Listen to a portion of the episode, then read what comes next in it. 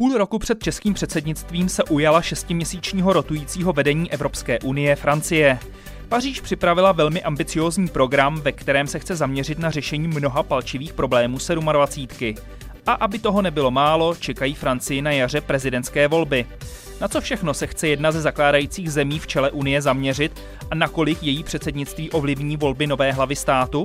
A co z toho poté zdědí české předsednictví, které je součástí takzvaného předsednického tria spolu s Francií a Švédskem? Nejen na tyto otázky se pokusí odpovědět dnešní Evropa Plus. Při jejím poslechu vás vítá Filip Nerad. Evropa Plus.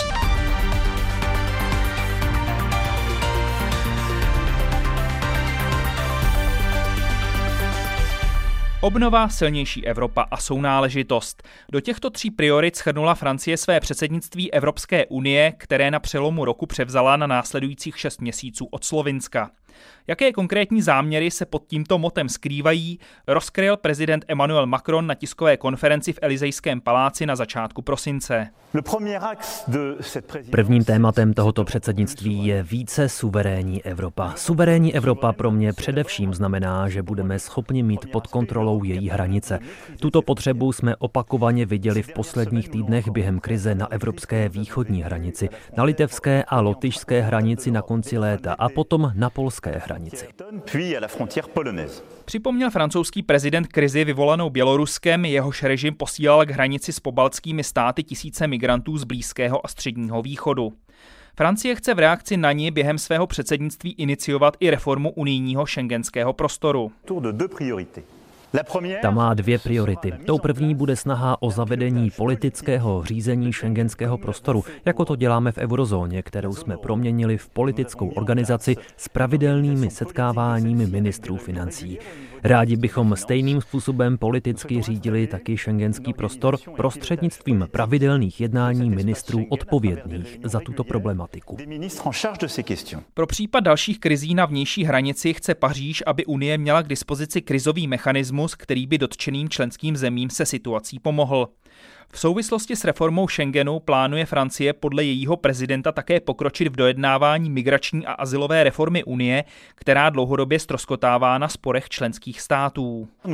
Chtěli bychom se zaměřit na spolupráci se zeměmi původu a s transitními zeměmi na boji proti pašování lidí a prevenci proti jejich přílivu. Chceme se zaměřit i na ochranu naší vnější hranice, na harmonizování našich pravidel týkajících se zejména azylu, doprovodu uprchlíků nebo migrantů migrantů, kteří jsou na našem území, a taky na harmonizování řešení sekundárních pohybů migrantů. Nejen Schengenu a migraci se ale Francie během svého předsednictví chce věnovat. Plánuje rovněž podpořit ekonomickou obnovu Unie po pandemii. Podle Macrona musí evropský blok mimo jiné přehodnotit svůj rozpočtový rámec a změnit společná pravidla ohledně rozpočtových deficitů.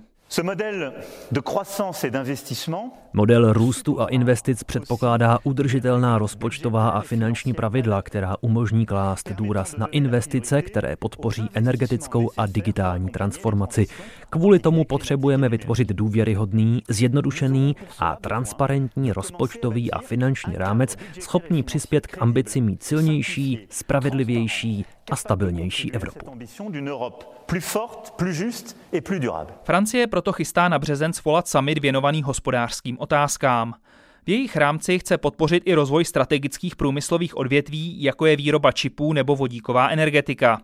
O necelý měsíc dříve se v Bruselu sejde také vrcholná schůzka s Africkou unii. Na rozvíjení vztahů s africkými státy se chce Paříž během předsednictví zaměřit stejně jako na region západního Balkánu, jehož přibližování k unijnímu členství stále drhne. V centru zájmu francouzského předsednictví budou také témata evropské obrany nebo klimatu. Ta jsou spojená s evropskými programy známými pod názvy Strategický kompas a Fit for 55. V případě druhého jmenovaného klimatického balíku chce Francie přispět k prosazení alespoň některých jeho součástí. Jedním z našich cílů bude implementovat mechanismus uhlíkového cla na evropských hranicích, který míří na transformaci všech našich průmyslů a zároveň chrání naši konkurenceschopnost. To byly některé z priorit francouzského předsednictví, jak je nastínil prezident Emmanuel Macron. Na další podrobnosti k plánům Paříže jsem se zeptal velvyslance Francie v České republice Alexise Ditertra. Mimo jiné i na to, jak francouzi chtějí pokročit ve schvalování migračního a asilového paktu, v němž neuspěla řada předchozích předsednictví. We want to be Chceme být uh, čestnými makléři. Nový návrh Evropské komise migračního a asilového paktu z roku 2020 je komplexní balíček z vnější a vnitřní dimenzí a rozhodně během našeho předsednictví nedosáhneme všeho. Část toho určitě přejde na české a švédské předsednictví. Chci připomenout, že v novém návrhu komise nejsou žádné povinné kvóty na relokace. Naším cílem je pragmaticky pokročit v určitých částech toho návrhu. Je tu jeho šengenská část. Součástí plánu předsednictví je mít víc politickou zprávu Schengenu. Tak jako máme euroskupinu, tak bychom měli mít i šengenskou skupinu ministrů, kteří by rozhodovali o strategii, kam se má Schengen Schengen dál ubírat. Dále je tu Schengenský hraniční kodex, který bude revidován. U něj chceme zajistit, že budeme mít silnější nástroje pro agenturu Frontex a standardizované procesy k posílení vnější hranice. Co se týče migračního a asilového paktu, musíme jít postupně. Mezi prvními kroky musí být vnější dimenze. Tady máme pocit, že je široká schoda mezi členskými zeměmi na tom, že máme použít všechny unijní nástroje, například víz vízové dohody nebo dohody o navracení, abychom měli lepší spolupráci se třetími zeměmi při vracení jejich občanů, kteří nemají nárok na azyl. Domníváme se, že v této otázce můžeme dosáhnout výrazného pokroku.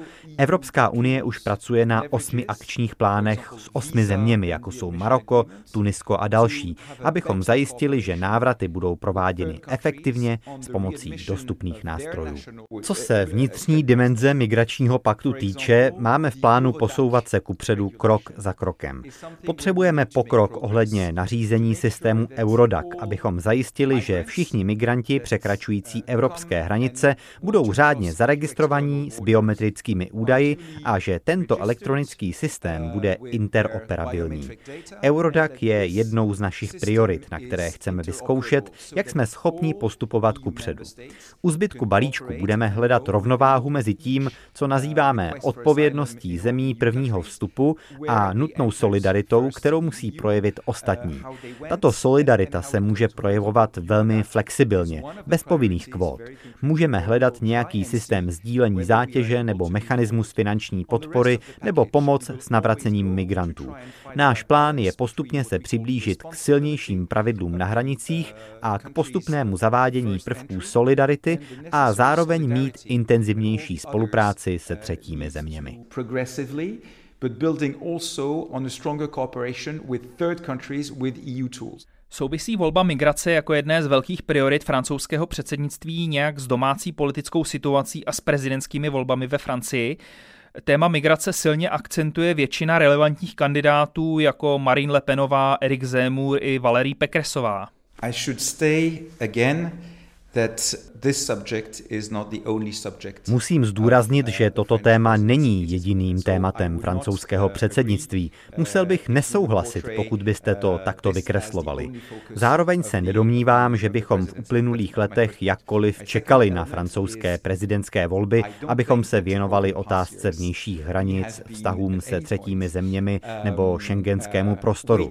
Migrační a asilový pakt byl na stole dlouho předtím, než přišly prezidentské prezidentské volby a je přirozené, že když nastane předsednictví, tak se podíváte, co je na stole. A v tomto případě je to i urgentní, protože jsme mohli vidět hybridní útoky, které organizovalo Bělorusko na polskou a litevskou hranici. To je také důvodem pro nás, abychom ukázali, že unijní úroveň je tou správnou úrovní, která se má tomuhle problému věnovat. My tudíž neděláme jen politiku, ale řešíme problémy, kterým musíme čelit. Potřebujeme silnější šengenský prostor. Na stole máme návrh šengenského hraničního kodexu, který potřebuje revizi a my se domníváme, že ta revize je opravdu nutná. Máme tu migrační a asilový pakt, u něhož máme dojem, že můžeme posunout vnější spolupráci se třetími zeměmi při navracení, stejně jako při vyvážení odpovědnosti a solidarity. S francouzskými prezidentskými volbami to tak má málo co společného, protože tato agenda byla na stole mnohem dříve dřív. A co je na stole, je v zájmu Evropské unie a nejen ve francouzském zájmu. And also because what is on the table is in the EU interest and not only in France's interest. Dobrá, pokud odhlédneme od témat předsednictví, tak je tu ještě jeho program. Prezident Macron oznámil konání hned několika evropských summitů a všechny na první polovinu předsednictví, tedy před prezidentskými volbami ve vaší zemi. It's a very good point. To je správný postřeh. Francouzské předsednictví bude kompletní šestiměsíční předsednictví. Jediné omezení, které máme, jsou ony prezidentské volby v Dubnu. U nás platí interní pravidlo, že jeden měsíc před prvním kolem máme takové období neutrality, kdy vláda nemůže využívat vládní prostředky v propagaci své práce ve prospěch volební kampaně. To v rámci předsednictví omezuje domácí akce ve Francii, zejména neformální rady. A ty se tak musí konat během prvních tří měsíců předsednictví. To nicméně potrvá celých šest měsíců, především co se týče legislativní agendy. Zmínil bych klimatický balíček Fit for 55 nebo digitální balíček. Úkolem francouzského předsednictví bude jednak najít kvalifikovanou většinu v radě na ta klimatická opatření a za druhé za radu vyjednávat s Evropským parlamentem o digitálních věcech. Některé akce budou také po prezidentských volbách, například konec konference o budoucnosti Evropy v květnu nebo konference o západním Balkánu v červnu. Jsme odhodlaní pracovat až do 30. června, abychom dotáhli veškerou agendu. Mimochodem, je to naše 13. předsednictví a v roce 1995 už jsme zažili volby během něj. Tehdy skončil François Mitterrand a byl zvolen Jacques Chirac. Prezidentské volby tak už máme během předsednictví po druhé a zatím jsme to zvládli. I tentokrát se tak budeme snažit být tím čestným makléřem v rámci programu TRIA. we delivered, so we will try and be an honest broker this time again uh, within the TRIO program. Když jste zmínil předsednické trio s Českem a Švédskem, jeho program byl schválen v prosinci. Jak funguje ta spolupráce s Prahou a Stockholmem z vašeho pohledu? Ta spolupráce funguje velmi dobře. Měli jsme při vytváření programu TRIA výborné kontakty s vládou Andreje Babiše a s českou státní zprávou. A to samé platí také o švédské vládě. I když máme na některé politiky jiný pohled, tak se na agendě pro více suverénní Evropu shodujeme. Mohou se vyskytnout některé niance ve slovech nebo jejich významu, který s nimi spojujeme, ale jsme zajedno, že musíme přispět k prosazení strategické legislativní agendy. Sem patří klimatická agenda, digitální směrnice a spravedlivý obchod, strategický kompas nebo sociální dimenze. V těchto otázkách mluví ten program jasně. Uh, v zákulisí se ale mluvilo o rozporech mezi Francií na jedné straně a Českém a Švédskem na druhé, zejména v pohledu na obchod. V čem se liší pohled Francie a zbylých dvou zemí na tuto otázku?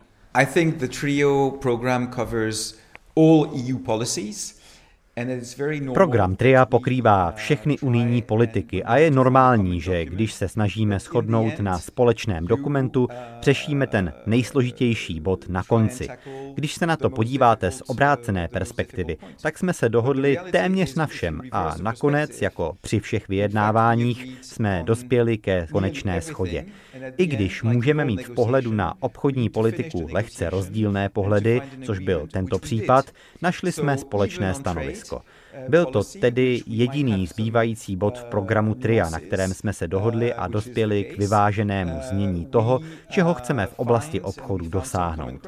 Tedy, že obchod může pomocí smluv o volném obchodu přinášet Evropské unii růst, což oceňujeme. Ale když garantujeme někomu přístup na evropský trh, nesmíme být naivní. O to nám šlo.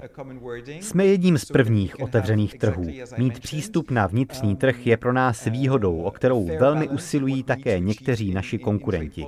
A toho bychom měli využít k prosazování naší agendy. Pokud máme otevřít náš trh, potřebujeme mít jistotu, že naši partneři zajistí férová pravidla soutěže. O tuhle rovnováhu nám v programu šlo a té jsme v tom konečném znění také dosáhli. Vždycky se na to musíte koukat ze dvou perspektiv. Při každém vyjednávání musíte s něčím skončit. A my jsme nakonec dosáhli té správné vyváženosti. Je normální, že máme rozdílné názory, ale na konci máme program TRIA a dohodu na celém jeho obsahu. Konstatoval pro Evropu Plus francouzský velvyslanec v Praze Alexis Dutertre. A po francouzském velvyslanci rozebereme v Evropě Plus plány začínajícího francouzského předsednictví Evropské unie s analytikem Institutu pro evropskou politiku Europeu. Vítem Havelkou. Vítejte opět po čase v našem pořadu. Mnohokrát za pozvání, dobrý den. Nejprve obecně k těm francouzským plánům. Tak, jak je představil prezident Macron, působí hodně ambiciozně. Jsou vůbec realistické ty záměry například ohledně reformy Schengenu, posunutí migračního paktu a podobně? Hmm. Tak eh, já si myslím, že obecně francouzi bývají velice ambiciozní, co se týče evropské politiky a snaží se vždy přetavit eh, svoji představu o tom, jak by měla fungovat Evropská unie v okamžiku, kdy mají k tomu příležitost, což to předsednictví rozhodně bude. Musíme si také uvědomit, že Francouz, Francouzi během svého předsednictví budou mít prezidentské volby, takže bych uh, viděl i, taky důvod toho, proč uh, ty plány jsou tak velko, velkolepé, že zkrátka francouzské předsednictví bude součástí prezidentské kampaně Emmanuela Macrona. No a za třetí, uh, vy jste se ptal na to konkrétně, jestli bude možné splnit vše, co si francouzi přece vzali, tak to bych řekl určitě ne, protože ty plány se během předsednictví mění a v podstatě nikdy jsem nezažil žádné předsednictví, které by splnilo vše, co si přece vzalo. Potřebuje vůbec Evropská unie reformu Schengenu a jeho zprávy v podobě řekněme, euroskupiny, tak jak si to představuje Paříž? Já si osobně myslím, že je určitě dobré více než méně spolupracovat a určitě je důležité se bavit. Ono součástí šengenského prostoru není jenom uh, boj proti terorismu, spolupráce v oblasti vnitřní bezpečnosti, ale je tam třeba i otázka migrace, která s Schengenem úzce souvisí. A myslím si, že pokud by byla přímo dedikovaná nějaká platforma, třeba tak, jak si představuje Emmanuel Macron, jako to je v případě eurozóny, tak by to určitě prospělo tomu, že politici, představitelé národních států, když by rozhodovali, tak by daleko lépe chápali své vlastní pozice. Určitě diskuze je vždy dobrá. V tom předcházejícím rozhovoru francouzský velvyslanec vyjádřil přesvědčení, že Francie bude schopná posunout alespoň některé části toho migračního a asilového paktu. Na něm je ale Evropská unie zaseknutá už mnoho let. Prakticky žádné předsednictví toto předsevzetí nebylo schopné realizovat. Budou schopni s tím něco udělat francouzi?